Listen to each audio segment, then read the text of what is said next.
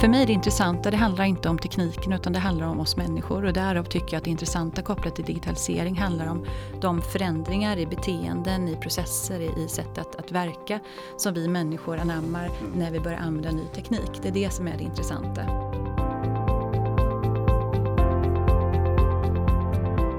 Varmt välkomna till eh, Konkurrenskraft, podden där vi pratar om framtidens beslutsfattande, verksamhetsstyrning och ledarskap.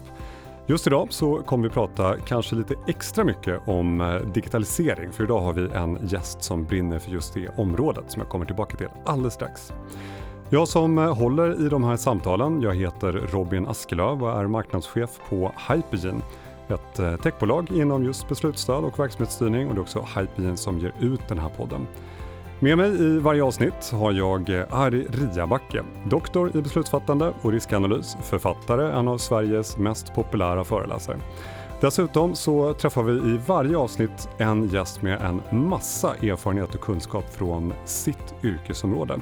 Men eh, jag tänker börja lite kort bara. Eh, Arja brukar göra det, stämma av lite innan vi sätter igång. Känner du att du är på hugget och klar att vara med även i det här avsnittet? Det, jag är på hugget och jag ser väldigt mycket fram emot det. Området eh, tilltalar mig, det ska bli superspännande. Mm, härligt. Och eh, här på andra sidan bordet i studion så har vi Ann Helenius. Varmt välkommen. Tack snälla. Jättekul att ha dig här. Eh, jag, jag, tänkte att eh, jag ska börja med att bara dra lite din bakgrund för att sätta dig på kartan för alla som lyssnar. Eh, jag tänkte att ni kan väl gå och hämta lite kaffe eller någonting medan jag gör det, för det är en ganska lång lista av punkter här. Men jag tänkte att jag går igenom det, för det är ändå sånt som är relevant här i sammanhanget. Du har lång erfarenhet som managementkonsult, både från Ernst Young, numera EY, och i eget konsultbolag. Du har varit CIO för Stockholms stad och eh, det är ju en kul tid tänker jag för dig, därför att under din ledning där så utsågs ju eh, Stockholm till Most Innovative City of the Year 2016, årets digitaliseringskommun 2017. Du blev nominerad till Årets chef 2018 av tidningen Chef. Eh, du blev utsedd till Årets CIO 2017 av IDG och European CIO of the Year 2016 av IT1. Många utmärkelser. Eh, och sen idag så jobbar du som eh, CIO för Scandic och driver deras digitala satsning. Du sitter dessutom som eh, rådgivare i regeringens digitaliseringsråd och i lite styrelser, HiQ, MSAB, Synsam och sen dessutom som eh, liten krydda här så fångar jag att du har tävlat i schack också. Jag tyckte den var lite rolig så jag tog med mig den. Det är en lång lista. Ja, det är det. Ja. Och sen innan vi sätter igång också så, så tänkte jag bara skulle ta upp också, jag tycker det är lite roligt. Eh, jag har ju en, en relation till dig sedan tidigare, sedan exakt två år tillbaka, då vi sågs på en stor mässa för offentlig sektor i eh, Göteborg. Mm. Och den, den var lite lustig den, den situationen, för min relation till dig, den präglas verkligen av tacksamhet.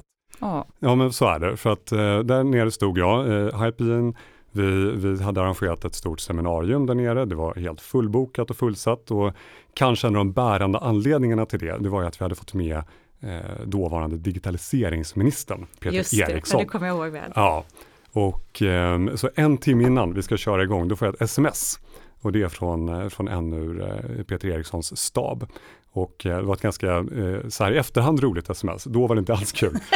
det var på temat, Peter Eriksson har fått förhinder, han kan inte komma, hoppas ni får ett bra seminarium. Så här, lycka till.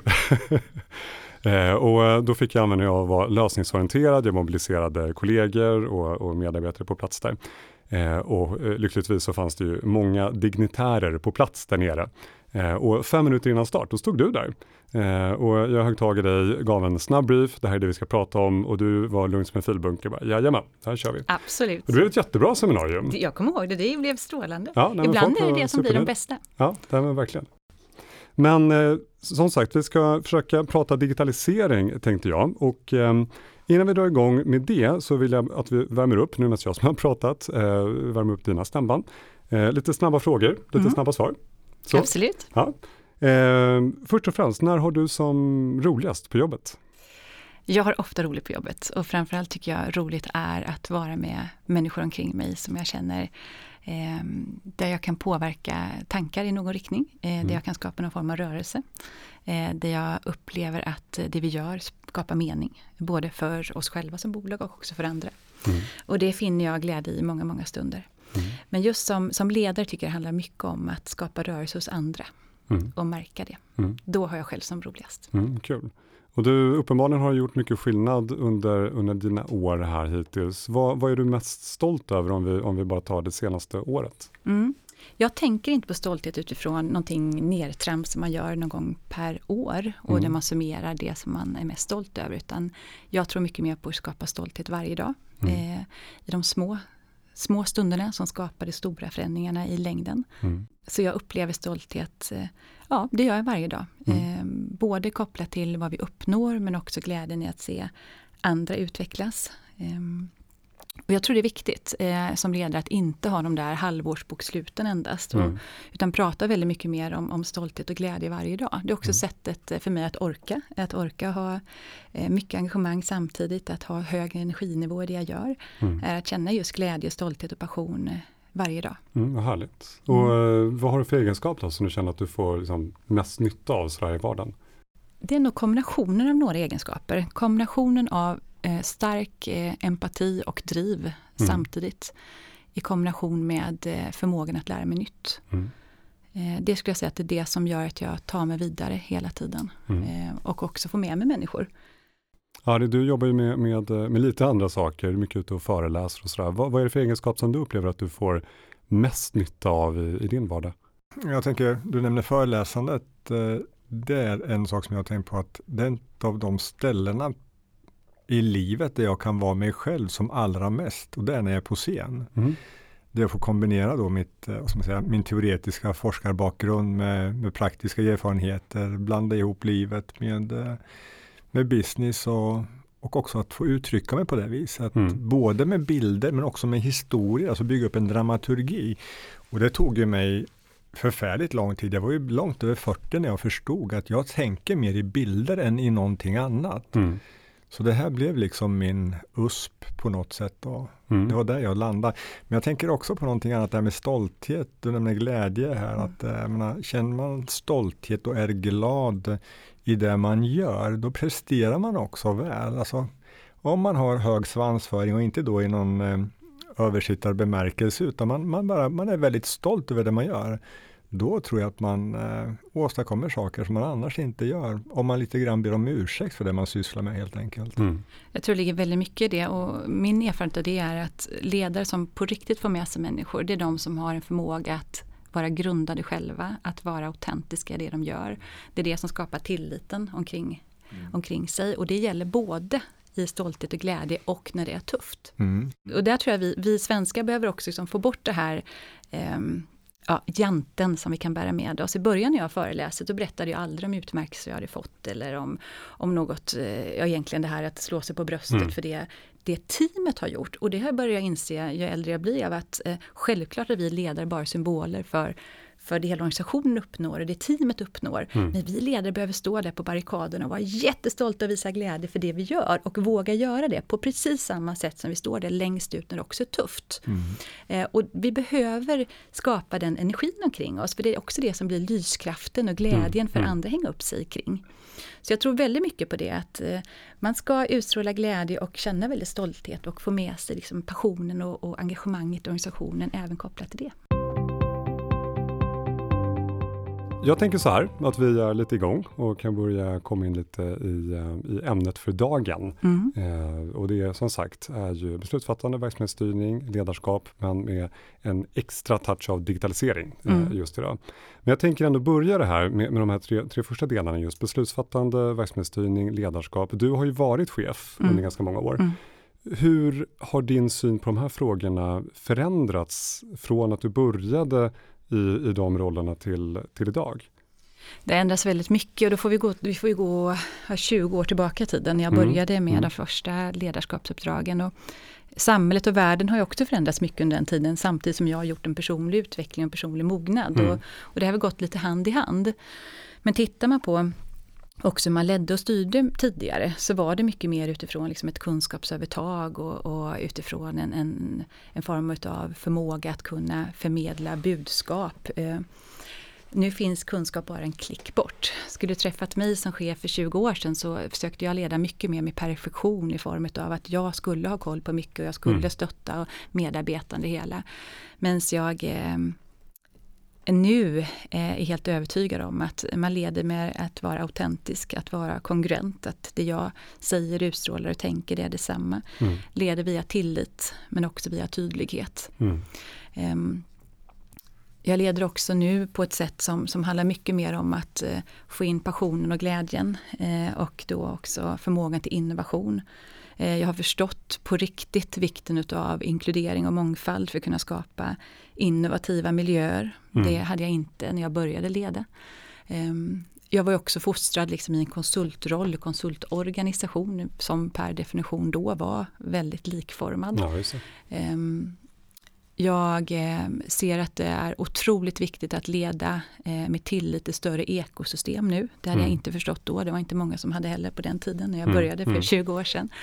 Nu behöver man hitta ett sätt där man leder och styr och, och analyserar vad är ens eh, primära ekosystem, vilka är de sekundära, vilka ska man samarbeta med. Så samarbete behöver ske i betydligt större format, inte bara inom sin egen organisation utan också ja, med andra parter. Mm. Alltså du, du säger så många saker här som gör att man, man känner att man skulle kunna ta ett, eh, ett poddavsnitt per, per stickspår här nästan. Men jag tänker ändå, trots det, att vi, vi försöker liksom fokusera ner till mm. digitalisering som mm. ändå är det som väldigt många förknippar dig med mm. såklart, mm. för det är mycket sånt arbete du har drivit. Mm.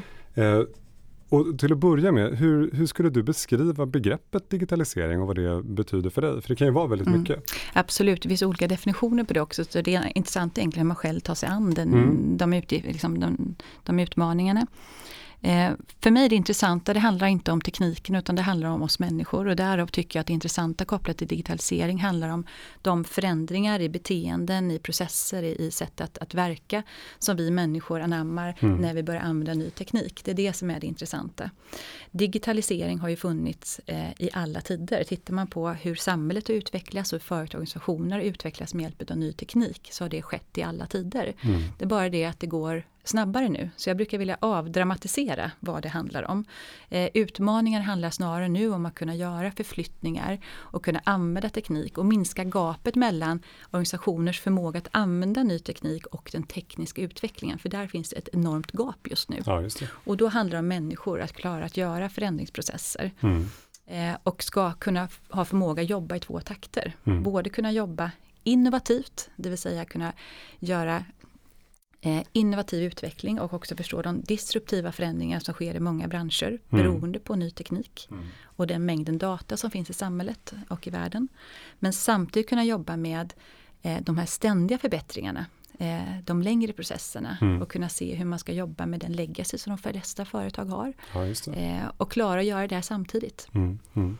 Eh, så klara klar kombinera eh, att kunna jobba mer snabbrörligt eh, mm. Och mer innovativt och mm. få den typen av kulturorganisationer med att kunna jobba med ständiga förbättringar och effektiviseringar och den legacyn som mm. finns. Mm. Och Arja, jag riktar mig till dig nu. Eh, du jobbar ju med, med mycket chefer mm. eh, som mentor och annat. Alltså när, när du pratar digitalisering mm. med andra och på scen, hur resonerar du kring det, det begreppet? Så han har ju nästan berättat det jag pratar om här.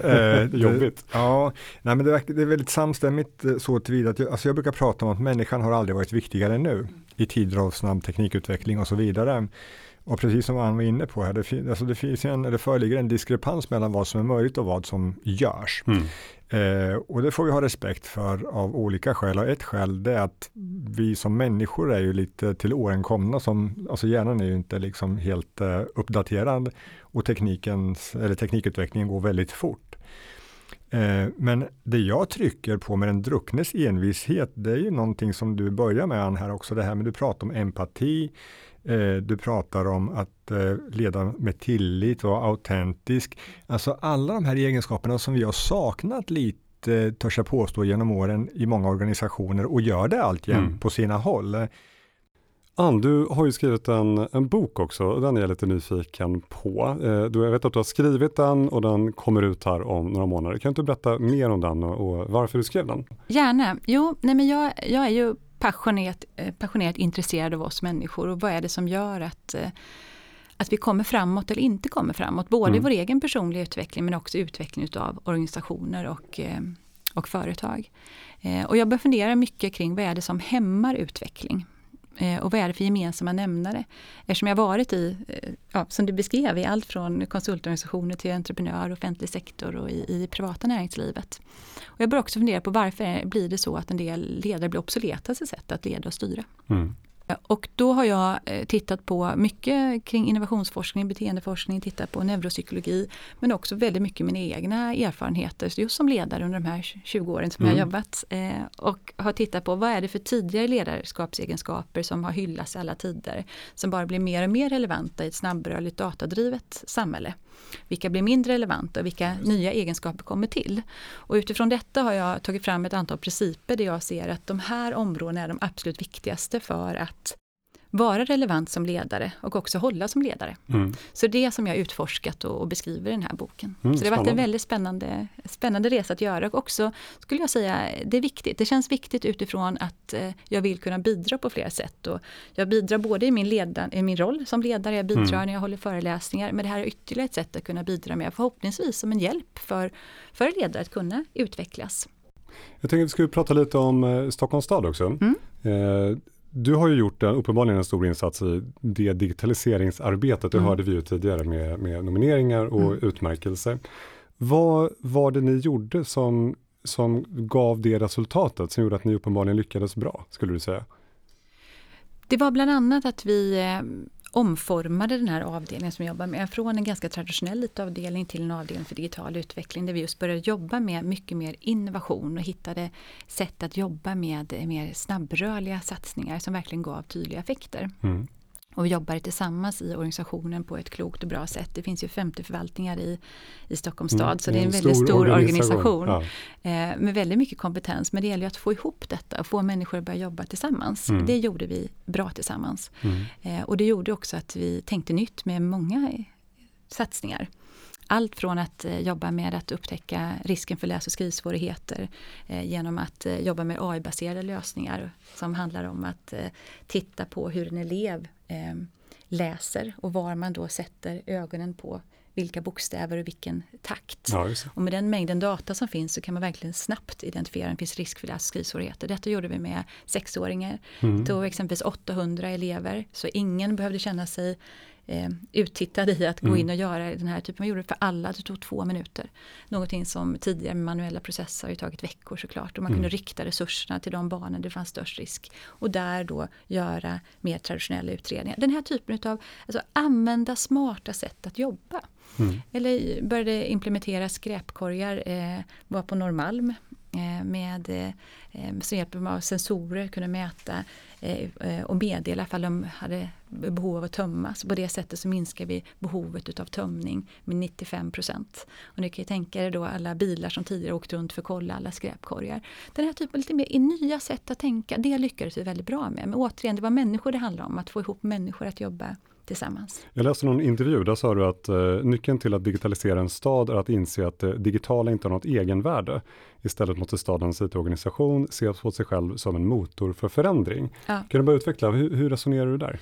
Jo, det, här, det har ju varit ganska lång tid så upplever jag att eh, det har varit eh, i många organisationer utmaningar att få ihop just eh, verksamhetssidorna och IT-organisationer. Mm. Man har gått från ganska traditionella sätt att styra och tänka kring detta som handlar mycket om beställar utförarorganisation, att mer reaktiva IT-avdelningar som ska invänta att verksamhet ska uttrycka vad de önskar och sen så ska IT-organisationen leverera på detta.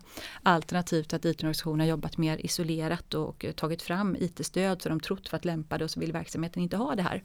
Och någonstans måste man komma bort ifrån det här silotänket, man måste komma bort ifrån de organisatoriska eh, indelningarna som har funnits i väldigt många organisationer. Om du mm. jämför med en, 100 år tillbaka så ser ungefär en organisationsschema ut på samma sätt som det såg ut för 100 år sedan. Det är få andra företeelser i samhället som ser likadana ut 100 år senare.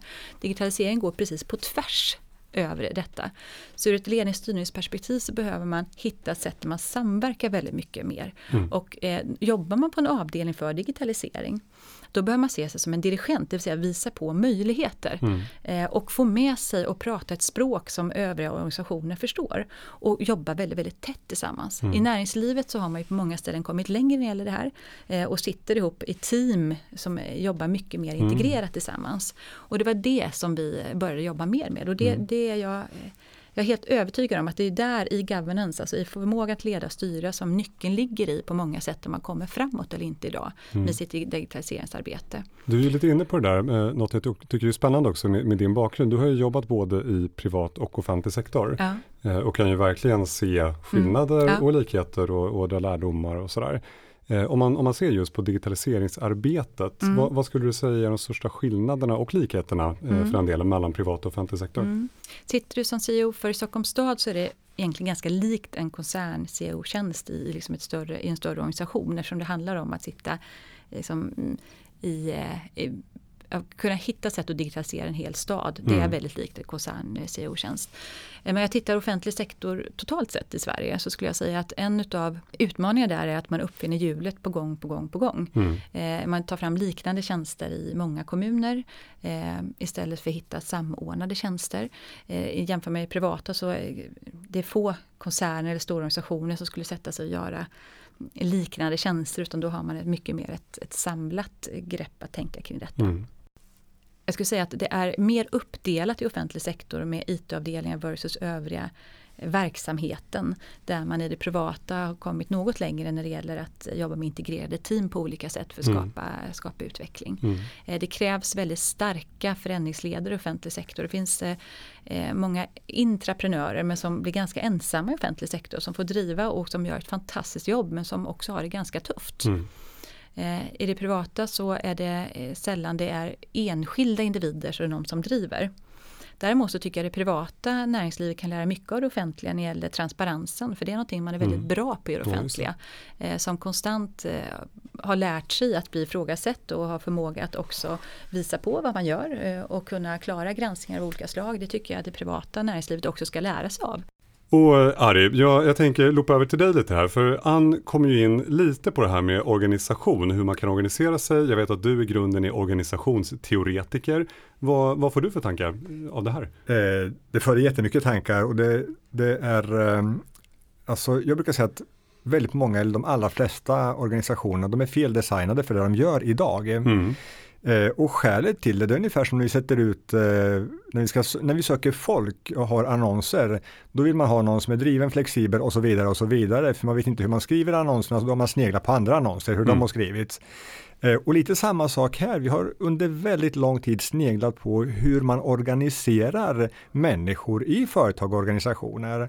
Och det här härstammar ju från industrialiseringen då man i sin tur sneglade på hur man tidigare hade gjort inom kyrkan och militärmakten. Mm, intressant. Eh, och det där håller inte längre för vi står inte vid en kanon eller en svarv idag utan folk får ju omkring hur som helst i organisationer mm. med all rätt eh, och jobbar i helt andra konstellationer. Så de flesta organisationerna de behöver ritas om helt enkelt. Mm. Och Ann, vad, vad, tänker du om det? Nej, men jag tycker det här är jättespännande och väldigt viktigt det vi pratar om just nu. För det är det här som, eh, som det faller på på många sätt nu i att komma framåt och man måste kunna tänka nytt. Men det är här ledarskapet kommer in. För vad jag ser det är två andra spaningar kopplat till nya arbetssätt i näringslivet framförallt. Mm. Det ena är när man börjar jobba mer agilt. Så, och framförallt agilt i ekosystem där det är flera olika aktörer som behöver vara med. Så råder också stor förvirring just nu. Det är många som, som jobbar agilt men utan struktur. Och agilitet utan någon form av struktur, det leder till kaos. Ja, det. Eh, det är fortfarande så att företagsledningar och styrelser vill veta ungefär vad kommer vi få levererat när? Och har man inte förmåga att uttrycka det och skapa en tydlighet kring detta, då får man inte de innovativa satsningarna och de snabba leveranserna utan då får man snarare väldigt mycket frustrerade medarbetare i organisationer. Det i kombination med att det på C-levels, alltså um, de som är, sitter i ledningen, mm. det är inte sällan att de har något överlappande uppdrag nu. Och det skapar också frustration och också mycket eh, um, alltså oförmåga att komma framåt i organisationer just nu. Och det är också ett tecken i tiden. Så tror inte jag det kommer vara om, låt säga fem år framåt. Men beroende på att man behöver få in mer kompetens i styrelser, mer eh, kompetens på vd-nivåer kring digitalisering och förmåga att kunna driva också utveckling med hjälp av teknik. Mm. Så har vi idag eh, en situation där för många sitter med överlappande uppdrag och inte riktigt har hittat sätt att jobba agilt mm för att komma framåt på ett bra sätt. Ja, jätteintressant. Då tänkte jag vi skulle komma in i eh, nästa segment i, eh, i det här avsnittet och det är ju något jag gör i varje avsnitt. Vi tar upp en bok, eh, någon form av facklitteratur eller managementlitteratur som kan funka lite som också diskussionsunderlag när vi, när vi pratar, men också lite tips till, till de som lyssnar, tänker jag. Eh, och eh, det brukar ju vara någon bok som jag tycker passar också till det vi pratar om eh, i just det här avsnittet. Och den här gången så har jag plockat ut Robotrevolutionen, Sverige i den nya maskinåldern, skriven av Stefan Fölster. Och eh, Fölster, han är ju nationalekonom, VD för tankesmedjan Reforminstitutet. Han var tidigare chefsekonom Svenskt Näringsliv och VD för Handels utredningsinstitut och dessutom adjungerad professor i nationalekonomi vid KTH. Och han har skrivit den här boken som jag tycker är, är klart intressant för den väcker massa tankar. Eh, har du läst den, Ann? Jag har inte gjort. Eh, nej, men för det jag tycker är lite kul med den här, det, det är ju att han, han, pratar just mycket om digitalisering, eller pratar, han skriver mycket om digitalisering, men kanske framförallt om automatisering och, och den automatisering som sker i organisationer och hur det påverkar inte minst chefer. Eh, och han går in mycket på det här, vad som händer när datorerna blir smartare och får, får mer makt. Eh, effekterna också när robotar ersätter många yrkesgrupper. Mm. Och det där är ju intressant. Mm. Men utifrån det här som jag säger nu, vad, vad får du för tankar då? Ja, jag får flera tankar. Det ena är att um, det har ju funnits många undersökningar som har tittat på hur, hur många jobb kommer försvinna mm. på grund av automatisering och robotisering. För ett antal år sedan så var det ju eh, mycket uppe i samhällsdebatterna, 50 procent, hälften av alla jobb kommer försvinna beroende på automatisering och robotisering. Så tittade OECD på denna, samma fråga och kom fram till att det är 6 procent. Eh, och nu börjar de flesta vara ensamma att det är ju, som en frågeställning är ju något felställd. För det första så kommer det tillkomma väldigt många jobb mm. på grund av just automatisering och digitalisering. Och sen är det ju som så att den största delen handlar ju snarare om att delar av jobb kommer automatiseras och robotiseras mm. snarare än att hela jobb kommer göra det. Ja, och det är av godo som jag ser det. återigen, om man är något historiskt intresserad så ser man att det har ju skett i alla tider att delar av jobb mm. eh, har kunnat effektiviseras. Mm. Och det finns ju otroligt mycket manuella administrativa sysslor som ehm, eh, att det är fantastiskt att de istället automatiseras. Mm. Vi jobbar mycket med det på Scandic just nu och tittar på manuella processer där vi också jobbar med att få in robotisering i det hela. Vilket frigör tid och som vi också kan lägga på, på våra gäster på ett annat sätt. Mm. Eh, så den typen av förflyttningar är verkligen av godo. Mm. Och då kommer man in på nästa fundering, hur får man det här att hända i praktiken? Och då tänker jag att en annan del i ledarskapet nu handlar om att kunna hantera rädslor. Eh, vi människor, eh, väldigt många människor styrs mer av av rädslan att misslyckas än att lusten att, att lyckas. Här finns också mycket forskning som visar just på att vi människor är mer rädslestyrda. Eh, vi började det här samtalet också om, om inspiration och, mm. och hin, finna lust och finna glädje i det man gör. Och det är väldigt mycket det jag jobbar med som ledare, att vända på det här, vända upp och ner på egentligen hur vi människor fungerar. Eh, och där vi styrs eh, och försöker få teamen att styras mer av, av lust och glädje än, än av rädslor. Och när man mm. jobbar med automatisering och robotisering så handlar det mycket om att möta rädslor. Att, att snarare kunna hitta sätt där man konkretiserar det man gör, vara tydlig, vara ärlig kring det som, mm. som ska göras. Um, och kunna få med sig människor snarare än att få människor emot sig. Eh, de bitarna och kvaliteterna hos ledare ser jag som väldigt centrala för att lyckas göra de här kliven. Mm.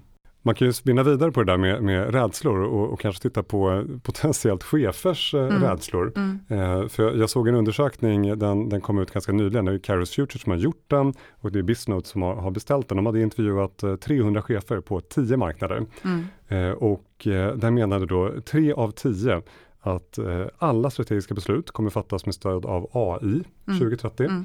34 eh, procent säger att de kommer ha en icke-mänsklig medlem i sin ledningsgrupp samma mm, år. Mm. Och eh, nästan 3 av 10 uppger att de flesta företagschefer kommer att ersätta till och med av AI mm. eh, 2030. Apropå mm. att det där skulle man ju som chef kunna bli lite, lite nervös av. Vad, vad tänker du där? För det är rätt intressanta siffror tycker jag. Absolut, men jag tror det finns mycket som vi kommer frågasätta. Hur kunde vi ha människor till att göra ett antal saker? Jag tror man kommer frågasätta också hur kunde vi ens tycka att det var rimligt att vi människor människor kör bil med tanke på den, eh, den osäkerhet och hur många människor som till och med sitter och tittar på mobilen samtidigt mm. som man kör och en del ens inte nyktra när de sätter sig bakom ratten. Eh, den mänskliga faktorn, det kommer vara fantastiskt när man lyckas ersätta det med, med AI. Men det intressanta är ju snarare kombinationen människa och maskin. Där finns ju otroligt fina exempel på hur man verkligen lyckas. Mm. Eh, med exempelvis att det finns ett, ett exempel från vården som jag tycker är väldigt intressant. Om man bara jobbar med AI kopplat till att hitta eh, risken för bröstcancer så får man ett typ av resultat. Om bara läkare jobbar med det så får man ett annat typ av resultat. Kombinerar man AI och läkare däremot så får man en fantastiska resultat kopplat till mm. att uh, upptäcka risk för bröstcancer. Mm. Jag tror framtiden handlar väldigt mycket mer om att hitta samverkan mellan maskin och människa. Mm. Eh, och det här är någonting som vi snarare ska bejaka. Mm. Ja, det är ett bra exempel. Och Ari, eh, om du tar de här siffrorna som jag, som jag just gav här från den här undersökningen. Vad, vad får du för tanke? För du pratar ju just mycket om framtidens ledarskap och framtidens chefer. Ja, dels pratar jag om, och, och, och kopplat då till det andra pratar om här med rädslor till exempel. Um, en del tror, eh, andra hoppas till och med, att maskiner ska kunna fatta besluten åt oss. Mm. Eh, så kommer det inte bli. Inte de stora besluten. Eh, alltså, man har ju haft länge inom processindustrin eh, beslut som fattas hela tiden de går ganska enkelt att automatisera och många andra beslut också idag. Eh, men väldigt många beslut och beslutssituationer som uppstår en gång just i den tappningen, den kräver handpåläggning. Och där tror jag, precis som man var inne på, där kan vi kombinera så att säga, människa och maskin. Eh, de kan stärka varandra. Men när det gäller just rädslor och när det gäller ledarskapet så tror jag att det är någonting på spåren där som jag pratar mycket om. Alltså utifrån hur hjärnan är konstruerad. Hjärnan är ju fullständigt överdimensionerad för att detektera eh, hot och risker. Eh, men jag brukar ha en sån här one-liner när vi pratar om hur beslut ska fattas, att beslut ska inte fattas på rädslor och farhågor utan på drömmar och förhoppningar. Mm, ja, det. Eh, och det är någonting som människor brukar ta till sig väldigt ofta, att man vänder mm. på mm. det.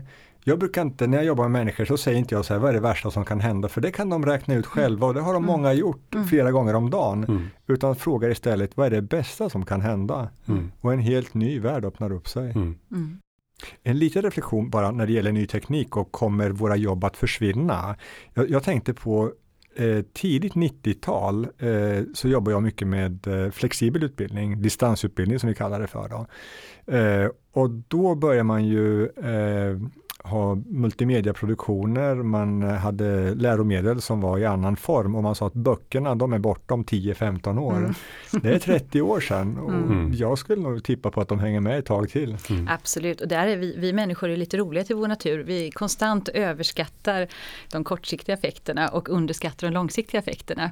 Och det tänker jag också, man måste ha väldigt stor ödmjukhet när man tittar på och också tittar framåt vad som kommer hända med tanke på jobben och vad, hur, mm. hur digitaliseringen och AI kommer kommer påverka vårt samhälle. För vi människor har varit urusla i vår förmåga att faktiskt prognostisera hur teknik mm. påverkar både samhället och organisationer i, framåt. Så jag tycker också man måste ha väldigt mycket ödmjukhet med sig. Eh, men jag tycker en intressant spaning är att ju mer digitaliserade vi blir och ju mer automatisering, robotisering, mer AI kommer, vi kommer få in i företagen, desto viktigare kommer det bli som ledare också kunna hantera frågor som etik. Eh, för det är precis som vi var inne på, robotarna kommer inte fatta besluten åt oss. Vi kommer få väldigt fina alltså beslutsunderlag, möjlighet att kunna kombinera människa och maskin. Men som människa måste man ha förmåga att kunna agera utifrån den inre mm. kompassen och kunna också bemästra frågor kring etik. Mm. Då har det blivit dags att börja runda av det här samtalet och eh, jag tänker att vi har fått med oss extremt mycket här, men jag ska ändå be dig avsluta på samma sätt som jag gör med alla våra gäster. Tre frågor som handlar lite om just framtiden då, mm. framtidens beslutsfattande, verksamhetsstyrning och ledarskap. Och eh, om du då från ditt perspektiv skulle, skulle ge någon form av framgångsfaktor för att vara en duktig beslutsfattare i framtiden, vad skulle du säga då? Det är detsamma som gäller nu, det är att inse att vi lever i ett nytt ekosystem. Mm. Eh, vi kan inte bara jobba med innovation och utveckling i våra egna organisationer, utan vi behöver hitta sätt där vi jobbar bredare i ekosystem. Mm. Eh, och samverka med andra för att kunna jobba med att ta fram tjänster och produkter i de företag vi är i. Mm. Men detta gäller även offentlig sektor, att hitta sätt där man där samverkar med akademin och med näringslivet och med andra offentliga aktörer. Ja, intressant. Och om man tar frågan om verksamhetsstyrning och tänker den framåt i tiden, vad tror du kommer behövas för att vara duktig på det i framtiden? Ja, det beror på vilket tidsperspektiv såklart. Mm. Men tittar vi närmsta framtiden så skulle jag säga att det handlar om det vi pratade om i, i den här podden. Att ha en förmåga att skapa tydlighet och jobba eh, helt oberoende av de organisatoriska eh, gränser som finns i företagsorganisationer. Mm. Och klara jobba i flera takter samtidigt. Både klara att jobba med ständiga förbättringar i den organisation man är i. Mm. Men också hitta sätt där man får in innovation och disruptiva förändringar. Mm.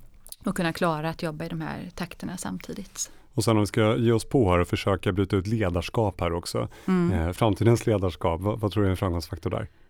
Det är att vara autentisk, mm. att vara grundad som människa. Mm, För det är det som skapar tillit omkring en, det är det som gör att man kan jobba bort rädslor och istället jobba mycket mer med det lustfyllda och hitta passionen både hos sig själv och hos som man har omkring sig för att verkligen klara, klara de här mm. eh, förändringarna och de transformationerna som vi står inför. Mm. Och, ha, och det är det som gör också att man orkar ha en uthållighet, för det behöver man ha som ledare. Det är jag övertygad om att både nu och framtiden kommer kräva. Mm. Ja, intressant. Så Ari, eh, det här samtalet har verkligen varit högoktanigt känner jag. Och jag tänker i vanlig ordning, jag ska ge dig någon form av eh, sammanfattande roll här. Va, vad har du för tankar i huvudet? Otroligt mycket eh, bra saker har sagts av Ann här och det jag fastnar för eh, i hennes summering kring de här tre begreppen som just avhandlades det är ju dels att, att jobba på, ett, på en bredare front i detta ekosystem. Eh, det vill säga att man inte bara stirrar sig blind på sitt mm. eget bord, sitt eget Excel-ark. Eh, jag skulle vilja lägga till här då att inte bara på bredden utan också på lång sikt. För vi tenderar till att ha en kvartalsekonomi. Mm. Våra hjärnor eh, eh, premierar kortsiktiga belöningar mm. Eh, och vi nappar på det väldigt, väldigt lätt. Um, när det gäller att leda så handlar det väldigt mycket om att fatta beslut. Jag skulle vilja påstå att beslutsfattandet är ju på något sätt paraplyt som väldigt mycket annat hamnar under. Och saker och ting går fort och där måste man ha den här inre kompassen väldigt tydlig. För det som Kjell A. Nordström säger, speed is everything. Så för att kunna agera snabbt när situationen kräver så måste man eh, veta vem är jag, vad vill jag och vart ska vi någonstans. Men sen en sak till som jag skulle vilja lyfta extra mycket här mitt upp i det sista. Det är ju det du nämner eh, att, att jobba på bred front, att även jobba näringsliv, akademi till mm. exempel. Mm. Eh, offentlig förvaltning, näringsliv, akademi, alla de här tillsammans, för den är vi inte så jättebra på mm. i Sverige. Och där kan vi skärpa oss i båda lägren. Mm. Eh, akademin har ju den tredje uppgiften att nå ut med sin forskning, sin kunskap och näringslivet eh, bör också närma sig från andra hållet. Men vi mm. har för få, törs jag påstå, som står med en fot i respektive mm. läger. Jag håller med om det. Mm. Mm. Och där finns en enorm liksom, möjlighet till kunskap och erfarenhetsutbyte åt båda håll som jag tänker är väldigt, väldigt spännande och mm. intressant och mm. väldigt viktigt för Sverige.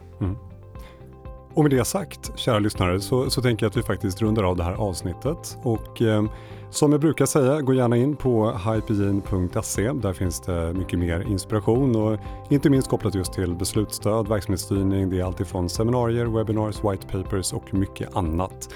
Och eh, ja, framförallt ett stort tack till dig Ann för att du var med idag. Tack. Och eh, Ari, ja, tack igen. Eh, tack och igen. på återseende. Mm. Alla som lyssnar, ha en bra dag. Vi hörs. Hej! Hej!